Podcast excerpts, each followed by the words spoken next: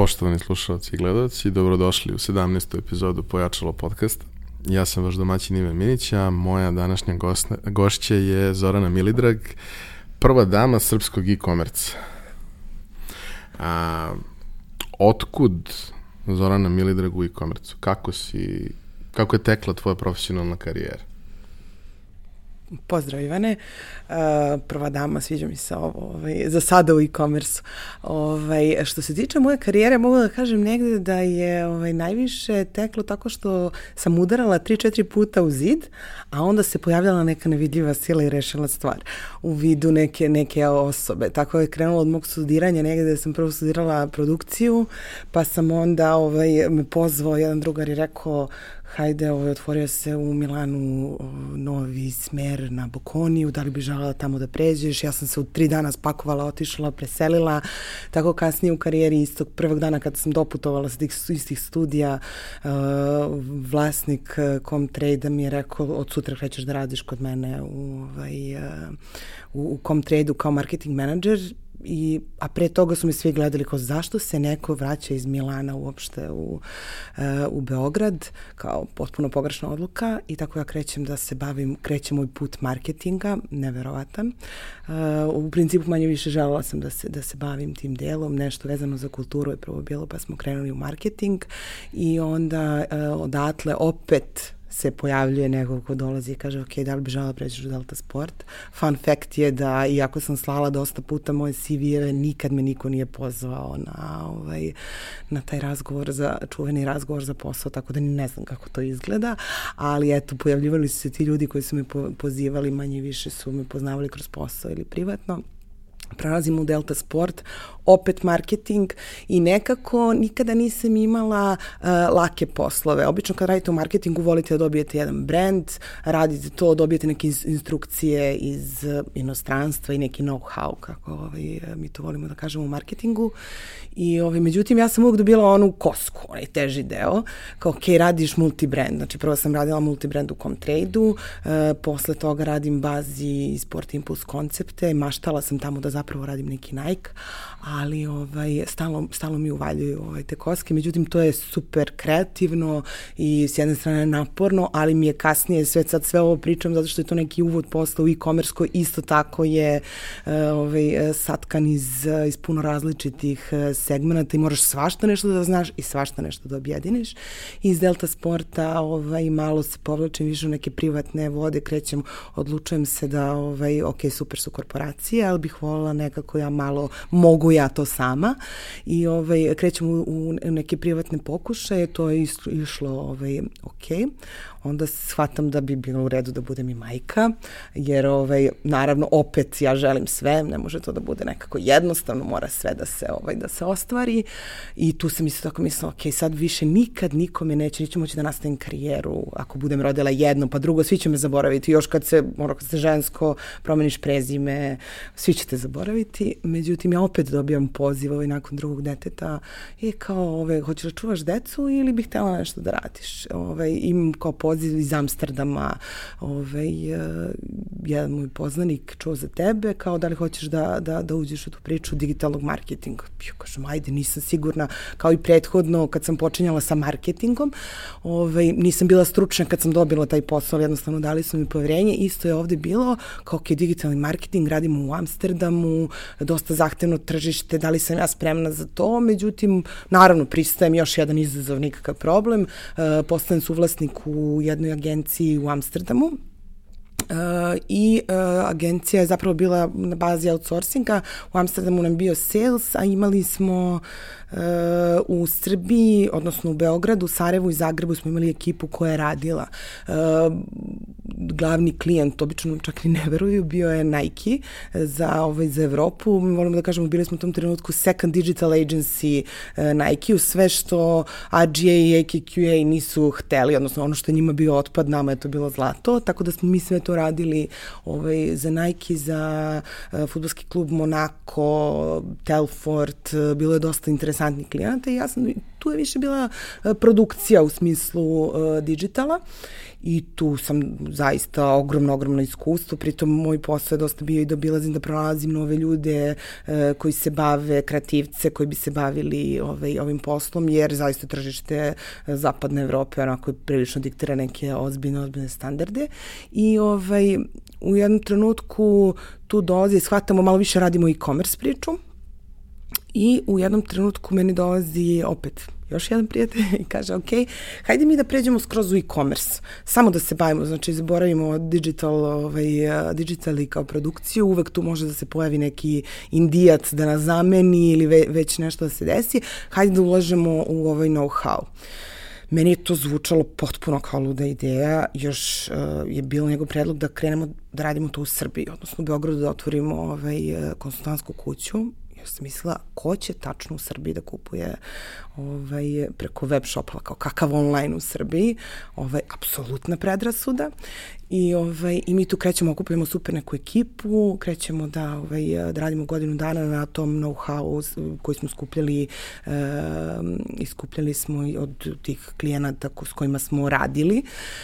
Ovaj, I tu stiže poziv uh, od uh, Sport Visiona, odnosno od uh, od vlasnika koji kaže ok, ja hoću da uložim maksimalno, hoću da, da postanem ono number one u, u, u regionu.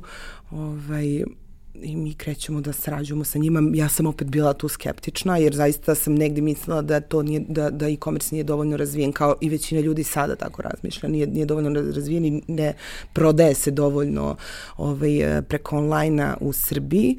E, međutim, ubrzo shvatam da to uopšte nije tako, da su ovde ljudi mnogo spremniji nego što mi mislimo i tu kreće neki moj put, to je bilo pre neke e, tri godine, znači od kad sam zvanično preuzela e, na, moja konsultantska kuća Sport Vision, gde ja pre dve godine prelazim na poziciju group head of e, e-commerce i u ovom trenutku sam zadužena za 26, 7 zavisi ovaj, u kom, kojom mesecu pričamo, pošto se konstantno ovaj, otvara, otvara u šopovi, e, neki 26-27 šopova u devet zemalja, tako da negde to, to iskustvo biva ono prilično raznoliko, pored toga ovaj, e, pokreće se priča sa asocijacijom pre godinu dana e-commerce asocijacije gde uh, ja volim to da kažem i budem jedina žena ovaj, u upravnom odboru u ovom trenutku, ne zato što ja sam najveći znalac, naprotiv, tu postoji jedna ozbiljna ekipa muškaraca, uh, profesionalaca koji su i duže od mene u poslu, ja sam više onako mama koja ih je okupila i tera ih da, ovaj, da pokažu svoje, svoje znanje, zato oni mene vole da čuvaju s druge strane, da me stavljaju u prvi plan, ali to je jedna zaista ozbiljna ekipa koja mnogo radi na unapređenju e-komersa. I onda da mi ne bude malo, ja sam tu, ovaj, završavam i master i predajem, uh, imam, imam uh, svoj kurs, više volim da kažem obuku za e-commerce menadžere i tako. Uh, kurs za e-commerce menadžer, odnosno obuka koju si krenula da radiš pre nekih godinu i po dana, tako. je bila prva takva mogu reći sveobuhvatna obuka i prvi put kada sam video ovaj, i kurikulum i, i kako je sve koncipirano, skapirao sam, ok, ova žena zna šta radi. Ovaj, sa druge strane, neko je zapravo seo i posvetio se tome da, to, da objasni ljudima da to nije nekakva jedna mala sitna stvar, jedna mala promena, mi tu nešto probamo, igramo se, nego je to zapravo jako kompleksan proces koji sadrži mnogo uloga i za svaku od tih uloga ti trebaju ljudi koji su za to osposobljeni, a takvih ljudi nema. Ok, naravno, nema prvo ni onih koji će da vode to sve, koji možda jesu najvažniji, ali nema ni svih ovih ostalih u lancu ishrane. Uh, šta tvoja obuka sve sadrži. Probaj da mi napraviš onako neki presek svega, šta, šta najvažnijih stvari. Da, moram prvo da kažem da sam pre par godina, kad sam ja htela naravno da učim još da, ovaj, da napredujem, uh, ovaj, ušla u to mimo, mimo konkretnih znanja koje dobijaš od klijenata i, i, i na radu, i u, rad, i toku rada, uh, dolazim u situaciju da gledam po, u Evropi gde bi mogla bilo mi je predaleko da idem u Ameriku ovaj, i predugačko, aj tako da kažem, i kao ajde da vidim u Evropi gde mogu da se, da se edukujem i shvatam da jedino gde mogu da nešto naučim, da postoji jedna konsultantska kuća u uh, Londonu, I to je to. I odlazim tamo, između ostalog nekoliko puta na različite teme, između ostalog digital visual merchandising koji je isto deo, deo moje obuke. I, ovaj, I tamo vidim ljude koji su po 10-15 godina u tome i svašta nešto možeš od njih ovaj, da čuješ. Pričamo o ljudima koji su tada na edukaciji, ne, ne, ne o profesorima, ovaj, gde shvataš koliko, ste, koliko smo mi možda u tom znanju nazad, ali opet da to nije samo problem Srbije, nego i celog regiona i širog regiona Evrope, da nema dovoljno edukacije u smislu ovaj, u e-commerce-u. Ono što se s druge strane meni iz poslovne perspektive, upravo ovo što si ti spomenuo, dešava je da nema od ljudi koji sa iskustvom, nebitno, koji će da vode e, ceo posao, do toga da jedno opšte shvatanje da e-commerce je jedan tako lagan posao, otvorim ja jedan web shop i sad ću ja one man show da radim sve. Ok, to naravno da može ukoliko imate, e, želite da imate mali shop, e, male promete, ukoliko želite da se bavite ozbiljno e-commerce to su ozbiljni timovi. Uh, JD Sports je jedan od uh, većih svetskih lanaca, uh, ima 180 ljudi u svom digital timu. U, principu u svetu je svuda kad se kaže digital e-commerce je ovaj, uh, pod tim, ima 180 ljudi. Znači, ukoliko uh, gledate i ugledate se na te neke šopove i želite da budete kao oni, morate da razumete šta sve stoji, koja mašinerija iza toga. U tom smislu, uh, ovaj, ja se odlučujem, pošto mi jednostavno trebaju za posao i mene uglavnom pozivaju ljudi i mi kažu, e, ok, ajde pošalji mi nekog da radi kod mene i tako dalje, otvara se jednostavno potreba za širenjem biznisa, u tom pravcu i nema ljudi. I ja normalno preuzimam to na sebe, ko će drugi, dok, ovaj, dok se pokrenu svi. Evo, nadam se sada će se preko, preko asocijacije, pričat ćemo, nadam se malo više kasnije o tome, eh, pokrenuti i, i ovaj više ljudi koji imaju ogromno znanje da, da podale svoje iskustvo i krećem ja ovaj, tu da, da, da pravim taj kurs. Kao što sam rekla, uh, mi smo nede pre godinu dana pre nego što smo počeli da radimo sa Sport Visionom ulagali dosta upravljanje tih playbookova, know-how i tako dalje, tako da sam ja već imala neki materijal s jedne strane i pravim, ovaj, pravim jedan kurs koji se sastoji iz osam, osam predavanja jedan na jedan i osam zadatak. To je prilično uh, zahtevna obuka, ljudi očekuju kad dođu kao, a lako ćemo, mi ćemo sad to da prođemo, ja sam prilično stroga zahtevna jer ne želim da od toga, ovaj, da, da se to olako shvata, jer je i, i prvo predavanje mi se u principu zasniva na ono što si ti rekao, ok, ja ih preplašim, da im objasnim šta je sve to zapravo e-commerce, pustim ih onako par videa neki da vide kako to izgleda, kako izgleda jedan dan u životu uh, e-commerce menadžera i koje su sve te funkcije. Ima jedan odličan video ovaj, uh, na, na YouTube-u na tu temu zombija, ovaj e-commerce menadžera zombija. I uh, ko preživi to prvo predavanje, ako ne pobegnu s tog predavanja, onda znam da oni zapravo to hoće. Da su spremni. Da, da su spremni. Znači, to mi je onako test neki, ako ne pobegnu, očajne su face uglavnom, kao zašto sam uopšte ovo upisao. Ali, ovaj, a, moje sreće kada dođemo do poslednjeg predavanja, odnosno šta je poslednje predavanje, oni moraju da prikažu svoj web shop koji su napravili. E, umeđu vremenu mi pričamo o uh, digital visual merchandisingu, traffic driverima, uh, platformama koje su sve moguće. Znači, prosto pokrivamo sve segmente gde oni pre ulaska u e, pravljenje tog šopa apsolutno moraju da imaju i biznis planova i proračune. E, ono što ja volim kod, inače kod e-commerce i zato što je sve argumentovano, sve se zna zašto se negde stavlja, zašto se nečemu posvećuje prostor, e, kako se proračunava trafik, odakle šta treba da dođe. Znači sve je egzaktno, a s druge strane dajete mogućnost kreativnosti. Znači to je mene, to, to je bilo, bio razlog zašto sam ja ušla u e-commerce. Kreativnost plus dokazivost marketinga ono, savršenstvo i ta neka psihologija gde možeš ljude da, ovaj, da analitiku uopšte da, da gledaš i sve to. Tako da, a, kada dođe do tog poslednjeg ovaj, njihovog predavanja da oni prezentuju svoj shop i pričaju ovaj, apsolutno zašto negde, šta, šta, šta, zašto su nešto uradili. E, to je sad pitanje ko se rasplače, da li oni ili ja, ovaj, jer neverovatno je, e, to, su, to je ekipa ljudi koja od neke koji već se bave, ovaj, već se bave tim poslom i obično mi kažu, ups, kao sad smo shvatili koliko zapravo ništa ne znamo do nekih ljudi koji ništa ne znaju. Znači ja sam imala potpuno od advokatice od 50 godina do dizajnera, završenog studenta, znači potpuno različiti, različiti, ovaj, različita struktura ljudi ko tu dođe i svi na kraju imaju fenomenalne šopove koji su, uh, mo mogu da nastave, čak ima ljudi koji su nastavili da rade uh, to kao svoj biznis nakon ta dva i po meseca. Uglavnom onom testimonijalu kažu, ok, malo smo se, ovaj, nismo očekivali kad smo upisali da će biti oko naporno, da će, ovaj, ali se osjećaju sigurno posle toga, znači, jer ja kad stavim taj potpis, ja, ono se zove nauči da vodiš internet prodavnicu, ono je zaista, ovaj, bude, to je to. I on, i oni su na, moji, ovaj, ja ih srećem i sada po raznim konferencijama, ovaj, zaista najbolji ambasadori, onako stvarno stoje iza toga što su, ovaj, što su naučili. Tako da mi bude ozbiljno drago. A kada si u kontaktu sa ljudima koji nisu još uvijek ušli u priču, razmišljaju, planiraju, bilo da imaju neki svoj biznis ili da nemaju, i da gledaju na to kao jedan od možda i jedini kanal prodaje, jer zavisi od biznisa do biznisa. A, šta su neke najčešće nedoumice sa kojima oni dolaze kod tebe? Šta je ono što te najčešće pitaju?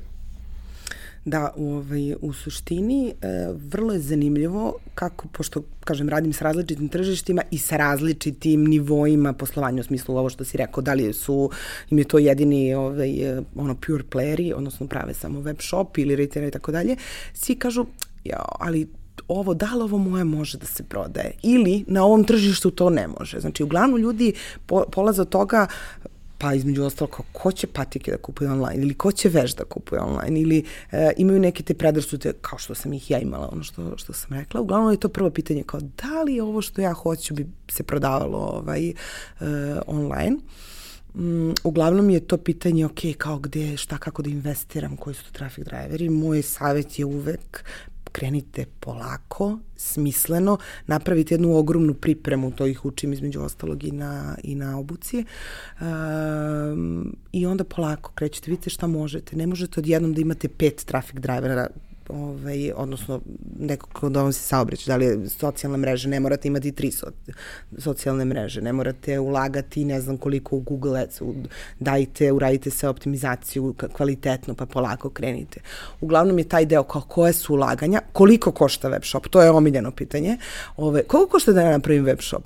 Koliko god hoćeš, zavisi. To je, ovaj, to je možda ključno pitanje i jedno od pitanja definitivno je ok, šta je to potrebno iz pravne perspektive da ovaj, sve da imam da bi zakonski poslovao. To su negde ne, neke njihove, njihove bojazni kao koliko, se, koliko je marža, koliko mi se to isplati, koliko to može da bude. I tu volim da kažem na početku, ljudi zavisnosti od proizvoda i tako dalje, e, nemojte da očekujete odmah da to krene ovaj, tako kako što ste zamislili da ćete se obogatiti i nisu svi, nećete verovati, ali nisu svi Alibabe i ovaj, nego polako uh, i dugoročno ako ozbiljno, ozbiljno radite, optimizujete svaki dan, jer ta prodavnica će raditi pošto radi ono 24-7 ili za vas ili apsolutno protiv vas, jer nema spavanja kad se bavite e-commerceom.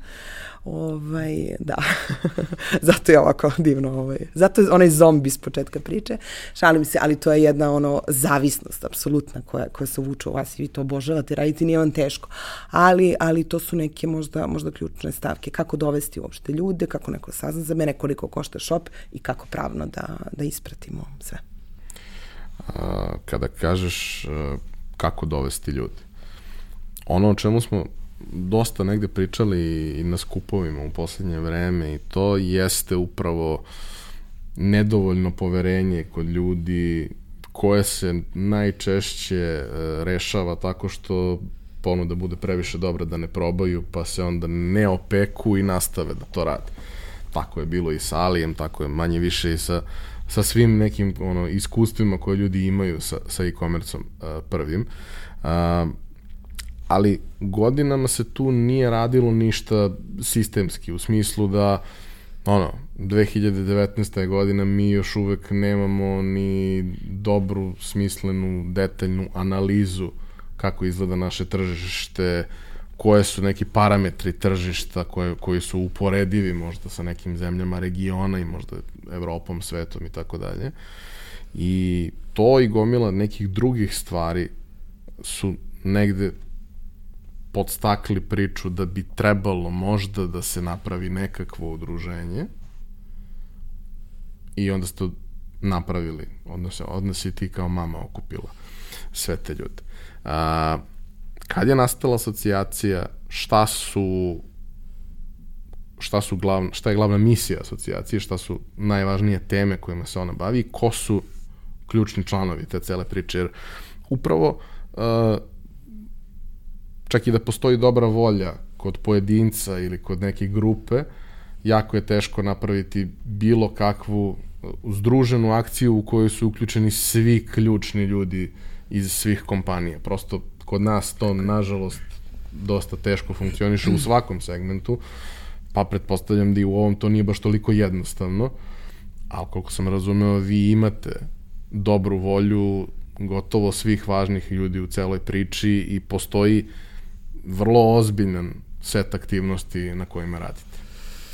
Da, sad ne znam odakle da počnem, ali kako je počet ću, da, kako je počelo. Počet ću sad od najskorijeg jedne, jedne situacije koju sam imala uh, pre dve nedelje u Ženevi gde sam se sastala sa ljudima iz uh, e-commerce asocijacije Evrope uh, gde su došli i rekli m, pogledajte, imamo jedno istraživanje koje radimo ovaj, vezano za, za e-commerce i pogledajte mapu kao vi ste ovde jedna rupa jer kao nemo informacije o vama. Ja kažem, ali ljudi, mi se bavimo e-commerceom i ozbiljno se razvije, ozbiljne se stvari rade i ima puno kvalitetnih trgovaca ovaj, u celoj priči.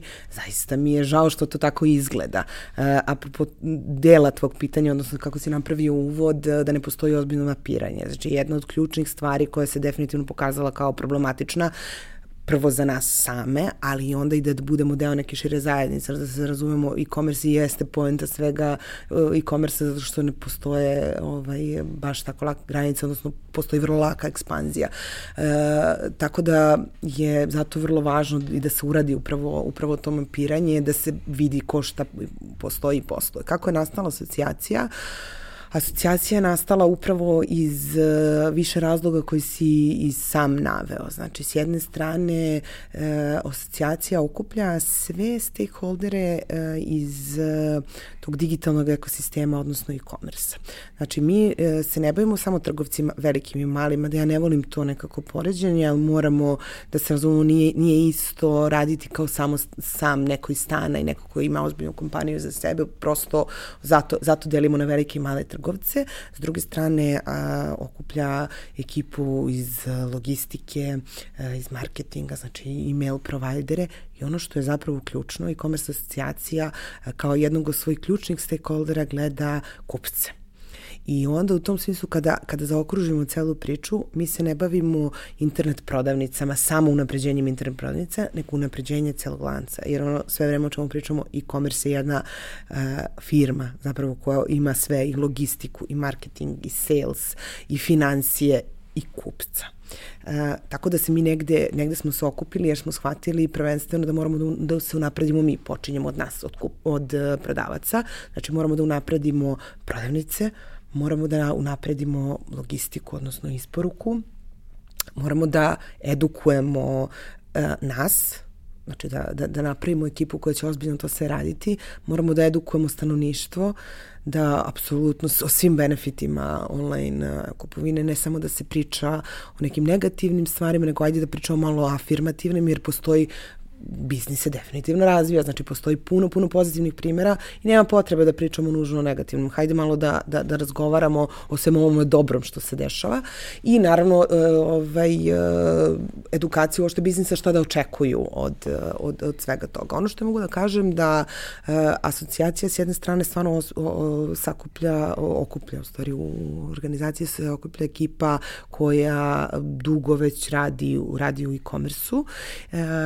i ono što je dobro, što ja sam se iznadela, to nije baš ovaj običaj za ovo naše podnevlje, eh, ali eh, vi tu imate jednu ozbiljnu konkurenciju koja sarađuje fenomenalno i gde mi razmenjujemo iskustva i jedni drugima pomažemo. Ja imam baš dobre drugare sad u, ovaj, u asocijaciji gde me pozivaju, e, kako, kako si ti ovo uradio, kako ti iskustvo.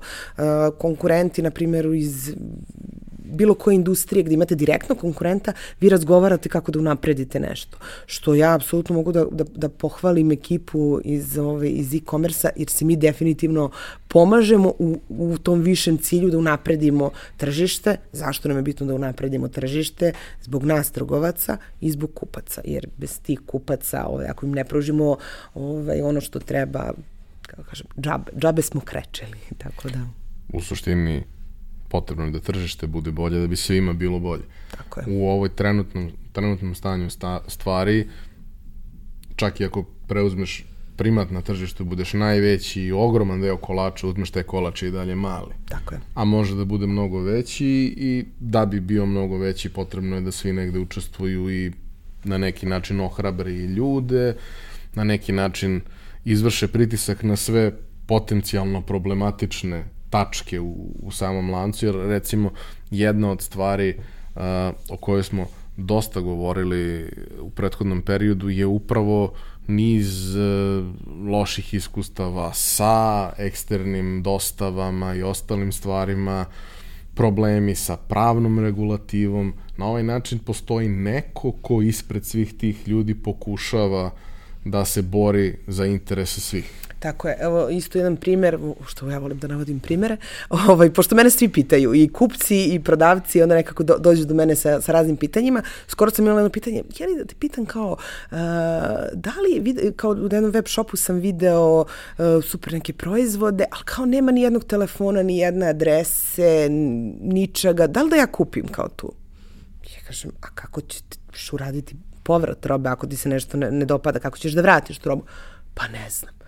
E, u stvari, u tome je ključ. E, znači, razmišljajte, ok, naravno da postoje ovaj, neko ko, ko može da vas prevari na internetu, ali ipak moraju ljudi malo da, da razmišljaju i da se edukuju, to je i naša upravo uloga, e, da mora ipak da postoje neke stvari koje mora da postoje na šopu, kako biste vi bili sigurni tu kupovinu. Ono čime će se asocijacija ovaj, baviti u narodnom periodu je Trustmark, koji će apsolutno biti nešto što će pokazivati e, kupcima da li je neki shop e, siguran ili nije. E, nama je tu veoma važno, pored toga što ćemo mi nekoga etiketirati da li je dobar ili nije, odnosno da, da li prolazi kroz sve neke standardne osno, standarde ovaj, osnove, osnovne, um, asocijacija će baviti stalnom kontrolom istih. Ovaj, I upravo zato nam je bitna e, cela interakcija sa, sa kupcima, da saznamo ukoliko neko, iako smo ga mi markirali kao uh, ispravnog, konstantno pravi problem na tržištu. Zašto? Uh, Sport Vision kao kompanija može da ulaže koliko god želi u e-commerce i da se trudi ili Sport Vision ili bilo koja od kompanija ovaj, uh, ko, kojima je prioritet, odnosno strat, strategija da, da se širi i ulaže u ovu oblast, ali ono što si upravo rekao, ukoliko nam je kolač ovoliki, a ne ovoliki, mi imamo ograničenost u, u, u, ovaj, u rastu. I mene često pitaju kao šta tebe briga, vi radite super, zašto se ti zalažeš za sve ovo. Meni je jako važno da svi oni mali, odnosno svi oni svaki pojedinac od koga se ili firma od koga kupci kupuju, oni su predstavnici e-commerce-a. I u tom smislu meni je jako važno da svaki od njih s jedne strane ispoštuje kupca do kraja. Naravno, kupcu može nešto se ne sviđa, tako dalje, znači, ali jednostavno da ga ispoštuje do kraja, da to bude onako kako je kupac, ovaj, kako je prezentovano. E, tako da s te strane mi je to jako bitno da, da se do kraja, a opet iz druge strane da edukujemo sve trgovce kako da rade bolje i kako svako od njih da podiže, e, da podiže standard. Zašto? Zato što e, kupac poima e-commerce, odnosno internet trgovinu, ne samo od velikih kompanija, nego od svakog. Ukoliko on imao jedan, dva, tri problema uh, sa isporukom ili sa nekim shopom koji je e, pokazao lažnu sliku, on nikada, nikada, nikada neće kupiti od kompanije ovaj, koja ulaže mnogo novca u to da, ovaj, e, da to bude kako treba. Jednostavno, svi smo mi predstavnici upravo e-commerce, tako da je jako, jako važno da držimo neki, neki nivo i standard i mislim da je jako važno da se zato to, zato se ja prvenstveno borim, a ce, i cela asocijacija i cela ekipa koja je uključena u to. Jedan od izazova, možda i najveći u celom procesu je to što ljudi koji imaju pozitivno iskustvo vrlo redko pričaju o tome. Ako imaju fantastično iskustvo, oni će to podeliti, ali mislim, nema baš mnogo prilike za fantastično iskustvo u elektronskoj trgovini ili bilo čemu drugom u životu. Ali kogod ima i najmanji problem, vrlo će otvoreno da se požali na temu toga.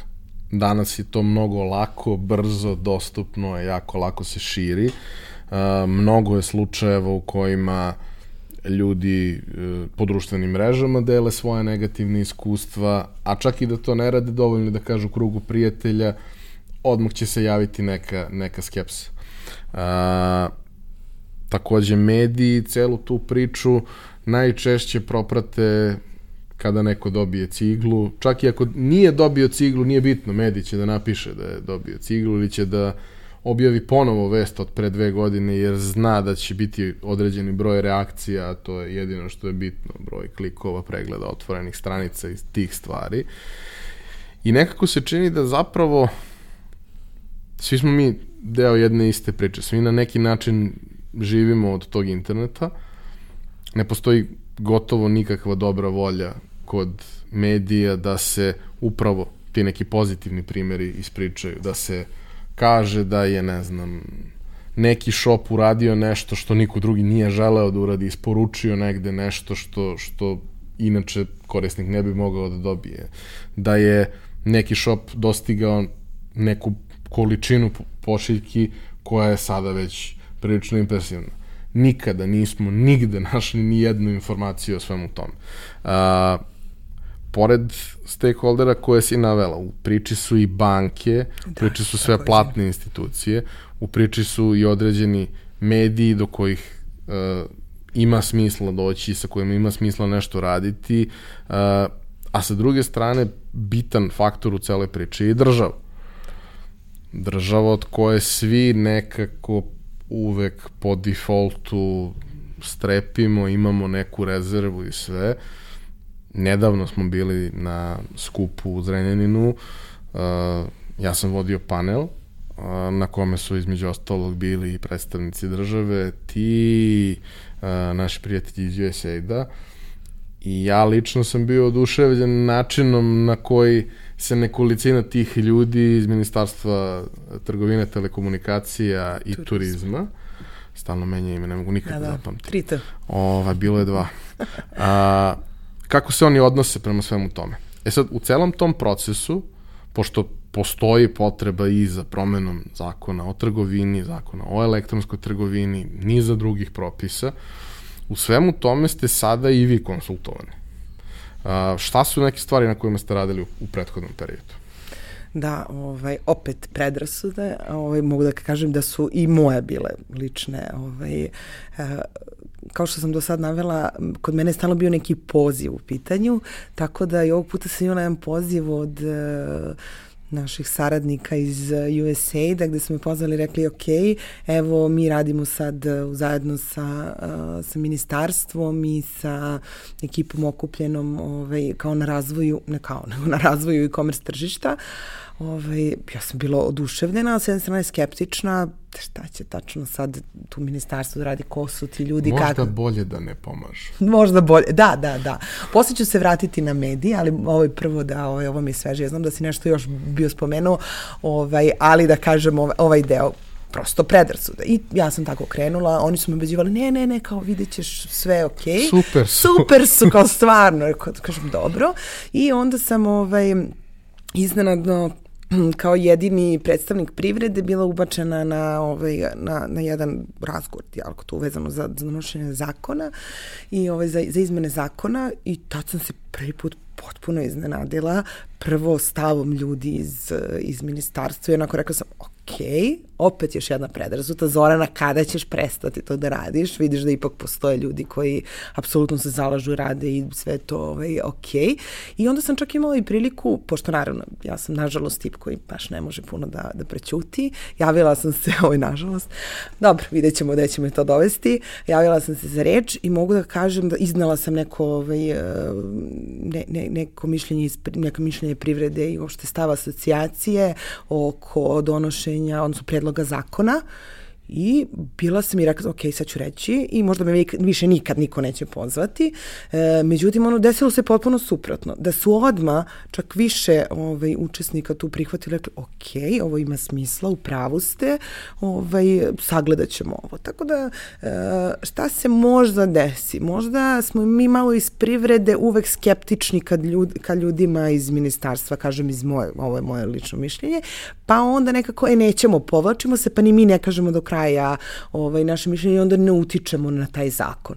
Ovaj, pored tog prvog e, susreta imali smo još neke, još neke sastanke da apsolutno mogu da kažem da sve što je e, smisleno i naravno u skladu sa svim drugim zakonima, jer nije tu samo uključeno ministarstvo ovaj, trgovine, ima, ima i porezki zakone tako dalje koji moraju da budu usklađeni. Ovaj, e, ja mogu da kažem da, da apsolutno je sve negde usvojeno i stavljeno, taj, taj još uvek je, to je još uvek predlog uh, uh, zakona uh, koji treba da bude usvojen, čini mi se, neću da kažem sad datum da, da ne bih ovaj, dala neku pogrešnu informaciju, ali jednostavno dobra stvar je da pri svakom našem razgovoru, diskusiji, to nije čak ni bilo jednostrano, oni kažu ili ja kažem, kad kažem ja, mislim asocijacija ili ovaj, bilo koji iz privrede, sve vrlo razmatrano i sve vrlo aktivno. Zato ja volim i dan danas kada mi se javljaju uh, ljudi sa svojim problemima. Zašto? Zato što možda to nije problem mog poslovanja, ali apsolutno je problem ovih nekih drugih payment, ovo što se nave banaka, uh, pa lo, transportnih službi, odnosno logističkih službi ili trgovaca ili kupaca u krajnjem slučaju. Ja sam skoro se borila za neku izmenu ovaj, vezano za povrate koji će, koji će biti u službi, odnosno bolje ka kupcima. Znači, apsolutno svi koji su mi se javili sa nekim svojim problemima, ja sam, eto, sam u situaciji da mogu da razgovaram sa, sa ministarstvom i ljudima koji rade na tome i apsolutno dobra stvar i mogu da kažem da se to stvarno dešava i stvarno je sve to u službi tog unapređenja o kojem se priča. Tako da sam ja do sada uh, veoma zadovoljna kako to funkcioniše. To nije nešto što će trajati danas, to je nešto što se dešava i kad se čak i donese zakon, tu su apsolutno stalne mogućnosti izmena i ono što ja mislim da je možda najveći problem, mi nemamo toliki čak ni problem sa zakonom uh, u, u, u unapređenju e-commerce uh, ovaj, uh, priče. Uh, ja mislim da je mnogo veći problem to što ljudi zapravo ne znaju šta je sve u zakonu i šta ih sve ovaj, uh, čeka i šta se moraju... Vrlo da... često i službenici. Da, i vrlo često, da, da, da, da, jeste, ali zato sad mi radimo ovaj, upravo u ovom celom projektu, uh, radimo i na nekom, uh, radit ćemo i na edukaciji kako uh, kupaca, tako i službenika, tržične inspekcije, radit ćemo na jednom vodiču za sve i za inspekciju i za ali uh, ono što je dobro je da apsolutno postoji ta neka razmena informacija uh, ozbiljna jedna radna grupa. Znači to to nije ne znam da se tako kaže ovaj pravilno ali ovako u nekom žargonu što se mene tiče to je apsolutno nešto što uh, je u službi biznisa i u službi kupaca. I ravnopravno znači prosto da se unapredi tržište to je ono što. A što se tiče medija uh, to si ovaj na početku spomenuo moram da kažem da si u pravu. Ja, nažalost, nigde nisam videla, osim, uh, moram da se ogradim da postoje mediji uh, ovaj, kao što je netokracija, smijem da kažem. Ne? ovaj, da, da, da je apsolutno ko prati sve što mi radimo, sve što mi radimo i na pravi način izveštava o svemu tome. Uh, ja bih jako volila, s obzirom da e-commerce nešto što je masovno, da to bude, da to budu i neki uh, komercijalni mediji koji će se uključiti, uh, konstruktivna, ja, ja sam neko ko kritikuje, odnosno ko stalno ima, stalno može bolje, ali to radim u službi konstruktivnosti, odnosno unapređenja, to je jedno. A a kritikovati samo radi kritike, a ne gledati drugu stranu koja je dobra. I upravo zato ljudi gledaju ok, kako kupuje online kada imaju te neke negativne priče, nije tačno. Imate puno, puno pozitivnih primera kompanija e, koje ovde rade, kako veliki, koje, koji su napravili super stvar na našem tržištu, koji su uz pomoć e-commerce izašli na, u region, imate puno mali koji, na primjer, imate proizvođače neke fenomenalne koji prave e, samostalno da prave proizvode, ne znam, kozmetiku, na primjer, koje izvoze tako u jednu Francusku, uh, isto ne znam, majice, na primjer tekstil neki se proizvodi i prodaje se ovaj, uh, preko. Znači, postoji puno, puno pozitivnih primjera o kojima možemo da pričamo i ti si taj koji često propagira te pozitivne primere. Meni je mnogo drago zbog toga, ali ono što isto moram da ti kažem, evo sada, nadam se da ćemo za godinu, dve opet negde pričati, da ja kao do sada što sam, ja sam udarala više puta glavom, ali mi se desi na kraju da to sve ispadne pozitivno, da ću se apsolutno boriti da nekako sve ove pozitivne priče završe u, u, ovaj, u većini medija možda ću par puta biti ovaj očajna kao iz tvog primjera iz jednog studija izaći, ali ja verujem da će se na kraju desiti to da, da, da pričamo o e-commerce-u kao nečemu što je perspektiva za sve nas, a ne o nekim negativnim primjerima. Naravno, uz može neka kritika da, se, da budemo bolji. To je apsolutno uvek dobrodošlo. Prosto sve što je dovoljno masovno nosi sa sobom određeni procenat nekakvih problema, ti problemi nisu pravilo, oni su Tako izuzetak, odnosno ne želimo da ne želimo da. Pravilo. da. A, dakle, hoćeš da mi kažeš, kada pričamo o državi, da tu pored nekakve dobre volje pojedinaca, koja je znala da se pojavi s vremena na vreme i nestane negde, sada zapravo postoji stvarno sistemsko opredeljenje da se time pozabave na pravi način i da se e, pokuša da se stvari unaprede svaka od njih pojedinačno. A, šta su neke pojedinačno stvari koje, koje su najveće promene koje, koje donosi ovaj predlog zakona koji čekamo da dođe na vladu i bude usvojen. Da, ja bih volila možda da, ovaj, da, da, da se malo više priča o konkretnim eh, predlozima nakon što bude ovaj, usvojeno, jer se dešavalo, kako sam pričala s ljudima iz ministarstva, da mi osmislimo mnogo nekih dobrih stvari, svi zajedno, i da ovaj, uh, i da se onda da ne može zbog opet drugih zakona, drugih ministarstva da budu usvojeno. Ono što mislim da uh, moramo da shvatimo je da, da ono grub, ugrubo rečeno na čemu se radi uh, je da se sastave svi ti zakoni na jedno mesto, odnosno da, da ljudima bude jasno šta je, uh, ovaj, šta je ključ svega da poslujemo legalno. Uh, moje neko mišljenje da pored neke ekipe koja to radi nelegalno iz sive ekonomije, postoje puno onih koji nehotice to rade ovaj, na, na taj način način, tako da ćemo se mi ne truditi da to postavimo onako da bude, da bude kako treba. Znači, neko suzbijanje uh, sive ekonomije, to je možda, možda jedan od, od glavnih uh, tačaka. Ovaj, ono što je na prvom mestu je da se kupac da bude siguran, da kupovina bude olakšana, odnosno sve barijere koje postoje trenutno u zakonu otklanjaju se uh, do te mere da bude mnogo lakše kupcu da ovaj da, da kupuje, da vraća robu, da bude siguran da onog trenutka ako, tu, tu je zakon o, o potrošačima, vrlo bitan, uh, jer upravo je to ono, ono što je možda jedna od, od najvećih barijera. Tako da u tom smislu se radi najviše na toj zaštiti potrošača i s druge strane e, na, na kvalitetu e, samih šopova. Znači to su pojedinačne barijere koje se, koje se ukidaju i s druge strane legalizuje se ceo, e, ceo biznis plus uvođenje nekih pojmova koji nisu postojali, odnosno nekih stvari koje se praktično koriste, nisu nelegalne, ali na ovaj način će biti... Dropshipping jeste. Tako je, na primjer. Ali, mislim, ima niz tu niz. nekih pojedinačnih stvari koje prosto nisu izvan ali nisu bile precizno definisane, sada će biti, ljudima će biti mnogo lakše uh, da, da, da rade ovaj, sve, što, sve što budu hteli u celoj priči. Mi ćemo se truditi, ono što je ovaj, isto česti problem, postoji mnogo zakona, svašta nešto piše, ljudi ne vole da čitaju, tako da ovaj, dosta ćete uh, gledati mene, u narod, mene ili kolegi iz uh, asocijacije, gde ćemo se truditi da vam skratimo celu priču, da vam pojednostavimo da opet što lakše, što brže uđete, uđete u sve to. Uh, sajt asocijacije je ecom sa dvama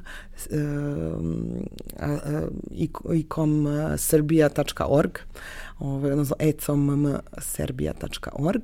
Uh, možete se prijavite preko mailing liste. Uh, sajt je ovaj, u fazi rekonstrukcije u smislu upravo će biti obogaćen svim tim sadržajem uh, gde ćemo mi skupiti sve zakone koje budu ovaj, donešeni ili oni koji su već, već tu nekako napraviti ih u pitkoj formi i, ovaj, i negde ćemo se truditi da, da to što više približimo svima da, da mogu da rade kako treba.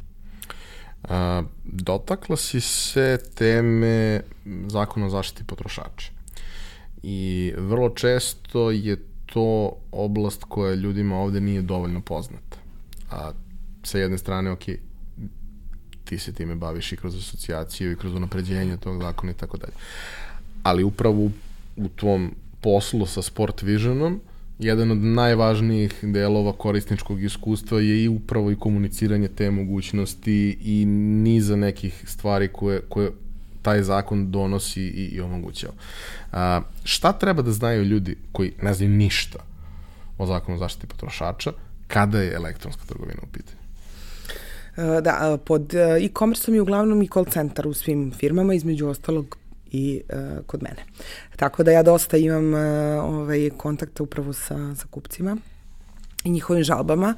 Ovaj, ono što ja mislim da je najvažnije da znaju je da za razliku od uh, retaila, uh, gde vi po zakonu zapravo ukoliko nije sem, ukoliko nije saobrazno onome što ste kupili, vi ne možete tek tako da vratite uh, kupljeno, odnosno kod nekih trgovaca oni to svojom svojom odlukom donose da da može da se ovaj da se uradi. Ali nisu obavezni. Ali nisu obavezni. Za razliku od online, a to se često pita kako da kupim, kako ću da vratim, gde vi morat, možete u roku od 14 eh, dana da vratite, da zamenite, vratite ili kako god artikal, s obzirom da nikad ne može da se dokaže da je saobrazno, jer eh, slika možda na mobilnom telefonu na nečem kompjuteru izgleda drugačije boja, i tako dalje.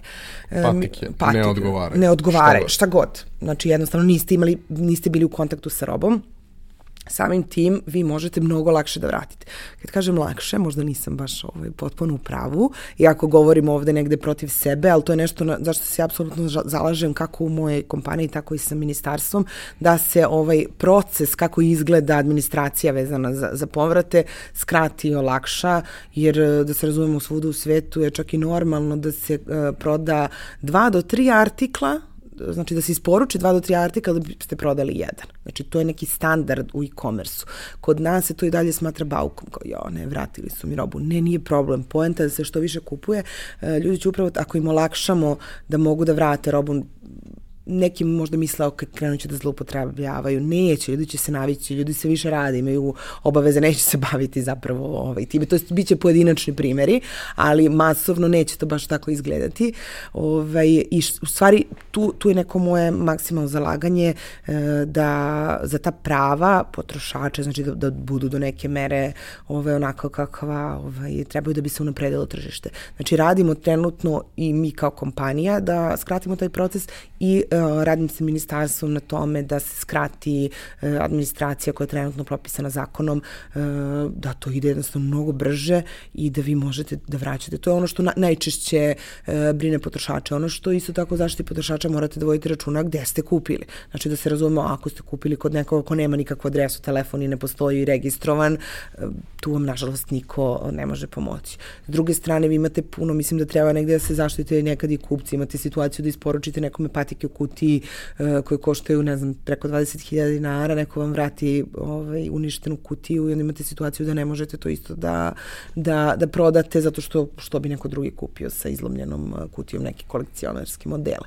Tako da, apsolutno to se radi uzajamno na zaštiti trgovaca i, i ovaj, potrošača, ali mogu da kažem da zapravo uh, su kupci u nekom, ukoliko kupujete kod legalnih naravno prodavaca, e, mnogo zaštićeniji ovaj, na webu nego, nego u retailu, baš zato što i dalje postoji bojaza negde, verovatno i kod, kod države, da puste da to tako ide bez, bez dobre e, zaštite potrošača. Dobro, da, mislim, prosto svi ti ljudi nemaju fizički kontakt sa proizvodom pre nego što ga kupe i to je. zaista može sa sobom da nosi niz nekih problema i prosto mnogi proizvodi mogu da budu neodgovarajući, Jeste. iako možda po nekim nominalnim kriterijumima bi to trebalo da bude okej. Okay. šta sve a, ti kada šalješ proizvod a, kupcu, a, šta treba još da sadrži ta pošiljka osim samog proizvoda da bi ispunila sva, sva ta neka pravila? Da, treba da sadrži račun, Ovaj, uz, u, e sad, tu je isto priča opet u ovom trenutku uh, da li po poreskim zakonima on mora da sa sobom nosi račun. Ono što se nadam da će se promeniti, da će taj račun moći da bude elektronski. U ovom trenutku imate elektronski račun samo, odnosno na mail da, da, da stigne ili na Viber, kako god, ovaj, uh, kupcu. Ono što je bitno da naglasimo, mora da bude račun, ali to ne mora da bude fiskalni Ne, ne, račun. po našem zakonu uh, mi nemamo fiskalni, znači imate u Bosni, na primjer, uh, i to je veli, u Bosni i Crnoj Gori, to je veliki problem, apsolutno, to je jedna od velikih kočnica e-commerce, ali ovo, ovde ne pričamo o fiskalnom računu, znači kod na, u e-commerce nema fiskalnog računa, ono što mi sad, na čemu sada radimo je da pokušamo i da dođemo do toga da apsolutno može da ide ovaj, ovaj račun i na mail i da ceo proces povrata ne bude, uh, da bude elektronski, znači da se sve završi, da vi ne morate da potpisujete formular, e, da ga vraćate u tu neku radnju odakle ste kupili, odnosno šaljete naziv i tako dalje. Znači da, da što više ubrzamo i olakšamo ovaj, e, ovaj proces. U ovom trenutku elektronski račun, koliko sam upućena, ide uglavnom za usluge samo, a sa, e, negde gde, gde bismo mi želi da idemo je da ovo bude i, i račun za, umesto da se šalje u paketu, da ide upravo na, na vaš mail. Ide on i za proizvod ali ide i fizički uz proizvod. Tako je.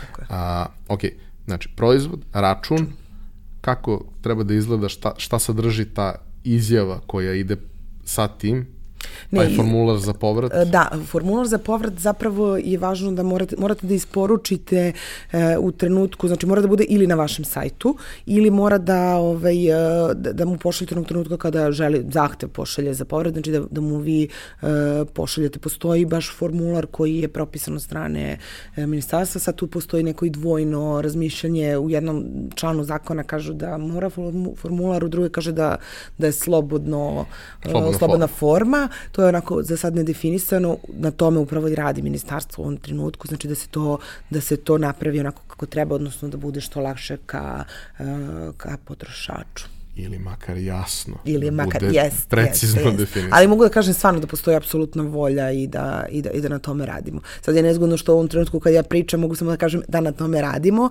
ali ja nekdo očekujem vrlo brzo da će to biti doneto kao, uh, kao zakon i opet spominjem ovu grupu iz ministarstva uh, trgovine, TTT, MTTT, ovaj, uh, da, da zaista radi na tome i apsolutno prepoznaje kao uh, neke barijere koje mogu da isprave, koje su do njih da, ovaj, da isprave i ono što ćemo, eto, to, to će biti drugačiji sajt, zato se prijavite kod nas na, na, na mailing listu, mi ćemo sve to sakupljati u najkraćoj mogućoj formi, snimat ćemo vide, radit ćemo sve što ovaj, što treba da, da olakšamo što više ljudima, jer zaista nam je jasno da niko neće sedeti i čitati stranice, stranice, članove zakona. Tako da ćemo praviti onako i nadam se mi ćemo dosta edukacija i sa tržišnom inspekcijom, e, postoje neke preliminarne posete, na primjer, tržišne inspekcije kao mogućnosti i ljudi uglavnom to vide kao neku, neki strah, neki bauk tamo, neko, neka inspektorka. Mogu da kažem da radi jako dobra, ovaj, dobar tim ljudi u, u inspekciji, gde je čudno ovako da kada ja kažem kao, kao neko ko je trgovac, međutim to uopšte nije poenta da mi radimo jedni protiv druge, nego da radimo zajedno. Između ostalog, neka ekipa ova koja se okuplja oko asocijacije, mi ćemo ući u tu priču tog preliminarnog posete posete gde inspekcija dolazi, kaže vam šta sve ne radi. Znači treba da koristimo besplatno, dolaze da vam kažu šta sve ne radite dobro i gde kršite zakon i nakon toga vi imate rok da to ovaj, ispravite, znači bez ikakve kazne, bez ičega, tako da svi oni koji se pitaju da li dobro radim ili ne radim, znači koristite ovu mogućnost uh, tržišne inspekcije, mislim da je to odlična stvar. I ovaj, ne, neće se desiti da će vas posle toga juriti, nego apsolutno oni su tu da bi postalo što manje problema ovaj, uh, naravno u kršenju zakona i i sa kupcima, znači nisu oni tu da rade protiv nas, oni rade sa nama i negde, negde je super, na primjer, mogućnost da sve što niste sigurni da radite kako treba, treba, imate ovu mogućnost da to ispitate. Proverite je li jeste Jer jeste nije, da, da, da. da. Mislim, Mislim, treba se menja svest. Da, da, da, apsolutno. Nama se dešavalo, ovaj, ja kažem, i u velikim kompanijama, jednostavno ne znate. I onda vam dođe inspekcija ili se žali kupac i onda vi to izmenite, krenete da radite naravno kako treba, ali najčešće to, ovaj, ono što je meni pokazala praksa uh, sa svima kojima sarađujem, da je to apsolutno bilo ovaj, iz nehata kršenje zakona, tako da mislim da je super ova mogućnost da možete da koristite uh, upravo da saznate da radite nešto kako treba ili ne. Jedna od stvari uh, koju si mi pomenula prethodnom razgovoru je da će asocijacije imati i na neki način uh, nekoliko kanala gde ljudi mogu da kontaktiraju, pitaju, dobiju sve potrebne odgovore. Osim toga što će jeli, nekakvi white paper i slične stvari biti na sajtu, jer mislim niko ne voli da čita zakone niko, da. i uglavnom niko ne razume zakone. Uh, ovo će biti u nekom pitkom obliku, ali svejedno, ljudi često imaju pitanja, nedoumice, nisu sigurni, naročito mali, a, jeste neka ideja da asocijacija ima prostor i kanal kroz koji ti ljudi mogu da dođu do, do informacija koje su im potrebne. Tako je. Uh, plan je da se uh, oformi call centar u okviru asocijacije. Mogu da kažem da ovo sigurno neće biti pre septembra. U tom smislu ovo je najava. Taj call centar će se u najvećoj meri služiti upravo da uh, dajete informacije ključne za, naravno ne, ne potpuno detaljne, ali sve nedoumice koje imaju ti trgovci ovaj, da, da mogu da, da im pomognu, ovaj, da ih informišu, znači ta, ta neka osnovna pitanja, da li sam sve postavio, da li im je dobar terms and condition i tako dalje ovaj, uh, na sajtu? I mislim da, ovaj, da je to vrlo korisno. S druge strane, uh, članove naše asocijacije, znači moći će kupci da nam daju neki feedback vezano za članove naše asocijacije koje smo mi obeležili našim trust markom. U tom smislu ćemo moći da uh, možda malo bolje kontrolišemo, imamo dodira sa realnošću, ja to volim da kažem, jer ja često ovaj, uzimam u mailove koje šalju kupci na call centar ili naravno ne mogu baš pozive, ali neverovatno što možete da čujete gde vidite apsolutno i vaše greške, mislim i, i da naučite i da promenite i tako dalje i da osmislite neki novi proces.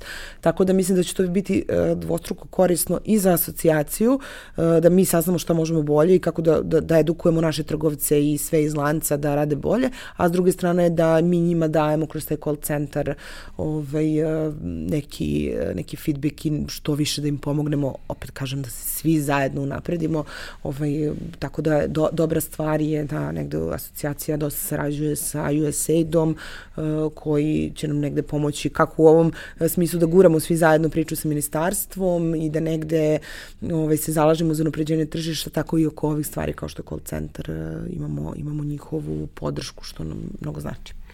Uh, s jedne strane, ok, i ljudi će dobijati odgovore, vi ćete dobijati informacije šta su ljudima Upravo. problemi znaćete na šta treba da reagujete i šta su neka sledeća pitanja koja treba da adresirate, jer prosto e, mi sada pokušavamo da podignemo stvari nekoliko stepenika, ali tu će stalno biti potrebe za unapređenjima i da prosto i, i, iz iteracije u iteraciju stvari budu bolje. Dešavaju se nove stvari, nove vrste plaćanja, nove vrste platnih institucija, no, gomila nekih stvari koje uz to ide, Bože zdravlja i, i gomila neke regulative koje će se možda pojednostaviti za izvoz i za sve ostalo, tu je već bilo nekih napredaka, a to su sve neke stvari o kojima prosto treba voditi računa i to je kontinuirani proces koji će trajati ko zna koliko. Dakle, ljudi treba da se prijave na mailing listu, da dobijaju informacije o svemu tome, da budu u toku šta se dešava, da imaju kontakt i da prosto uh, prate šta sve novo tu će izlaziti, jer će mnogi od tih stvari mnogima od njih značiti i da stvari postave kako treba i da stvari razvijaju u nekom boljem smeru, a prosto nekada i da, da mogu da dobiju uh, neki kontakt ili neku informaciju koja im je potrebna do koje na drugi neki način ne bi mogli da dođu. Kada je planiran kick-off? Uh, početkom juna, ne bi sad da se obavežem za datum, nadam se krajem maja, početkom juna, opet uh, nadam se da ćemo svuda uspeti da, da proširimo tu ovaj, uh, informaciju. Mislim da će biti koristan event da se okupe ljudi, da vide tačno šta će raditi i asocijacija i nadam se da će se obratiti neko ispred i države i USAID da kaže upravo na čemu mi se to radimo. Još nisam pomenula radnu grupu i profesora Stojkovića koji apsolutno se zalažu za, ovaj, za unapređenje i kasnije isto kroz edukaciju će nam pomoći, jer oni zaista radili su intervjue sa ključnim korisnicima i komersa i sa kupcima i uh, to će nam isto da, dati neku, neku sliku širu ovaj, svega. Ono što smo još spomenuli, uh, sve vreme u stvari ti spominješ, a nekako ja sam preskočila, svaki put su uh, payment uh, provideri servisi.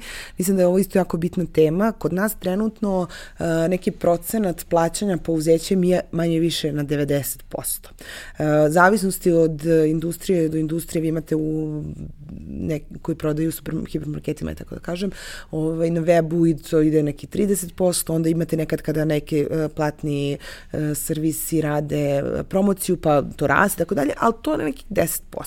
Uh, mi ako pričamo o internet trgovini, odnosno o web shopovima i pravom tom ovaj, prodaji gde sve završavate, mi treba da pričamo o tome kako ćemo objasniti ljudima o sigurnosti plaćanja karticama ili nekim drugim, nije, nije važno plaćanjima na samom webu. Pored toga što vam se dešava da, ne znam, vas pozove kurirska služba, stiže vam nešto, da li imate kod sebe keš, nemate kod sebe keš, tu često dolazi do odbijanja pošiljki. Uh, jednostavno niste završili tu kupovinu do kraja i mislim da je jako važno i mi ćemo isto raditi na tome i, i ove kartičarske organizacije isto i banke su se negde maksimalno uključile u, u asocijaciju da radimo isto na edukativnim videima o sigurnosti plaćanja e, preko interneta. Vi trenutno, ja mislim da to se i dalje dešava, nisam dugo bila ovaj, u banci, ali kad vadite kao, evo vam internet kartica. Ja zaista ne znam šta je internet kartica, pošto prosto da, u današnje vreme su ta plaćanja karticama na internetu sigurna i nemate potrebe za internet karticom. Znači, možete plaćati vašim karticama normalno na sigurnim, opet se opet ponavljam, na sigurnim šopovima na koje treba i da kupujete. I u tom smislu mislim da treba da, da se radi upravo na osvešćivanju i porasta plaćanja uh, karticama ili drugim payment metodama, opštom uplatnicom. Mislim, nije važno da ćete preko aplikacije banke ili to je već svako različite stvari voli, ali mislim da treba da radimo i, i na ovome, na porastu na porastu plaćanja preko interneta. Mm, jedna od stvari koja sigurno ne pomaže u toj celoj priči je neko nasledđe koje imamo, koje Jest.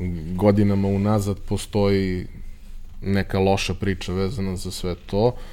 Jedan od načina da to rešimo je da prosto postoje upravo takakvi, takvi nekakvi benefiti koji će ljudima da pokažu da, ok, e, probaćeš to zato što je povoljnije, a nastavit ćeš to da koristiš zato što ti više odgovara zato što je to za tebe jednostavnije, brže i, i, i tako dalje. A, naravno, postoji i problem sa strane banaka. Jedna od dobrih stvari koja se desila u prethodnih par godina je da su zapravo provizije banaka značajno snižene. Jeste. Da jedno vreme, ne pričamo samo o e-commerce, pričamo generalno o trgovini, da jedno vreme ni trgovci baš nisu bili preterano srećni kad ti plaćaš Pa i danas nisu do kraja. Jer prosto, ono, tu nekakav deo novca koji tad već bio 3-4%, da. ide za to procesiranje i sve ostalo, prosto niko ne želi, nema mnogo proizvoda gde je marža ogromna, pa ti je. nije bitno tih nekoliko procenata. A, to se sad sve zapravo dosta popravilo.